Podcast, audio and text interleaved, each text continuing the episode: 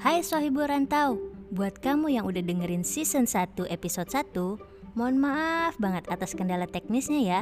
Maklum, namanya juga anak baru, udah keburu seneng main upload aja nggak dicek lagi.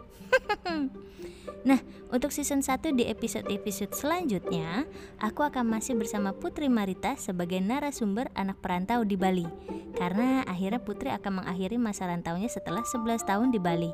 Kita doakan Putri lancar dengan mimpi-mimpi yang ia ingin wujudkan selanjutnya. Nah, langsung aja disimak obrolan aku bersama Putri ya.